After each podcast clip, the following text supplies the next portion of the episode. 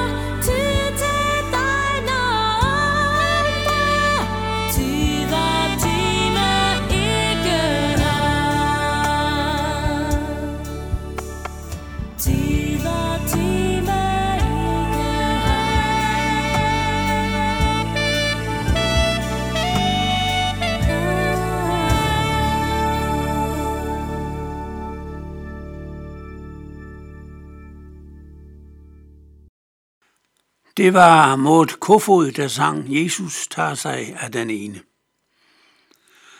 Andagtrækkerne i denne uge har udgangspunkt i bjergprædikens vers om særlig prisningerne. Nogle indledende bemærkninger om bjergprædikens baggrund først. Vi finder den i Matteus evangeliet med i alt 118 vers. Og det, der kendetegner Matthæus, er jo, at han ikke har ordnet sit stof sådan helt kronologisk, altså i den rækkefølge, som begivenhederne skete i, men han har samlet nogle beskrivelser, hvis indhold hænger sammen, og derfor indeholder hans evangelium fem større taler. Der er bjergprægningen fra kapitel 5 til 7, der er udhudsendelsestalen, det er kapitel 10, lignelsen om sædemanden, det er kapitel 13, discipletalen er kapitel 18, og talen om de sidste tider og Jesu genkomst, det er kapitel 24 og 25. Men beskrivelserne derudover i Matthæus er stort set kronologiske. Matthæus evangeliet er skrevet kort før år 42, hvor apostlene jo spredtes på grund af forfølgelser, og det er det første nedskrevne evangelium, og er formentlig skrevet på hebraisk, aramæisk. Dets målgruppe var jøder i Palæstina. Og disse jøder havde hørt om begivenhederne ved Jesu korsfæstelse, ved hans død og opstandelse små ni år før, så jøderne i Jerusalem vidste om disse begivenheder. Men jøder, der boede udenfor i diasporaen, vidste noget, men ikke præcis, hvad der var sket. Og når disse jøder kom på den årlige pilgrimsvandring til templet i Jerusalem, så har der været stort behov for at høre, hvad der egentlig var på færre inden for jødedommen i den nye gren, kaldet vejen. Og formentlig har Peter og de andre apostle brugt flere timer dagligt på at forklare, hvad der var sket. Og det er denne mundtlige forkyndelse fra flere forskellige apostle, der ligger til grund for de fire evangelier. Det er forskellige øjenvidner, der fortæller om samme tildragelse, men i deres egen personlige stil. Det er det, der afspejler sig i evangeliernes forskelligheder. Det er den enkelte apostels fortællestil, vi møder der. Men meget hurtigt er der så opstået behov for mere eller mindre at have et fælles grundlag liggende, for jøder var jo lovens folk, og nu var der sket hændelser, som var af betydning for loven. Så en ny bog til loven var undervejs. En bog, hvor afslutningen på loven nu kunne skrives. Det er egentlig baggrunden for evangelierne. Matthæus skriver først, derefter Markus omkring år 45, formentlig i Rom, og det er nok for øh, Peters fortællinger af, hvad der skete, som Markus beskriver. Omkring samme tid, der skriver Lukas sin beretning, og Lukas har formentlig været en af de 72 disciple, som Jesus sendte i forvejen til de byer og steder, hvor han agtede sig hen. Noget senere, men før år 70, der nedskriver Johannes så sit evangelium, og Johannes har tydeligt kendskab til de andre tre evangelier, som han så supplerer med sine egne erindringer. Så evangelien er altså nedskrevet tidligt efter tildragelserne med Jesus, ham tømmersvenden deroppe fra Nazareth. Skrevet så tidligt, at der stadig har været mange øjenvidner til stede ved forkyndelserne. Jeg formentlig levede flere af dem, som Jesus havde helbredt, ja måske opvagt fra de døde, de levede stadigvæk. Det er på denne baggrund tildragelserne med denne tømmersvend er offentliggjort. Tildragelser, der viste sig at dreje sig om så meget mere end blot en dømmer. Nej, den omhandlede Messias, Kristus. Ham, der skulle opfylde alt det, som profeterne havde lovet. Ham, som jøderne havde ventet på i århundreder. Og evangelisten Matthæus beskriver, hvorledes han blev kaldet af Jesus.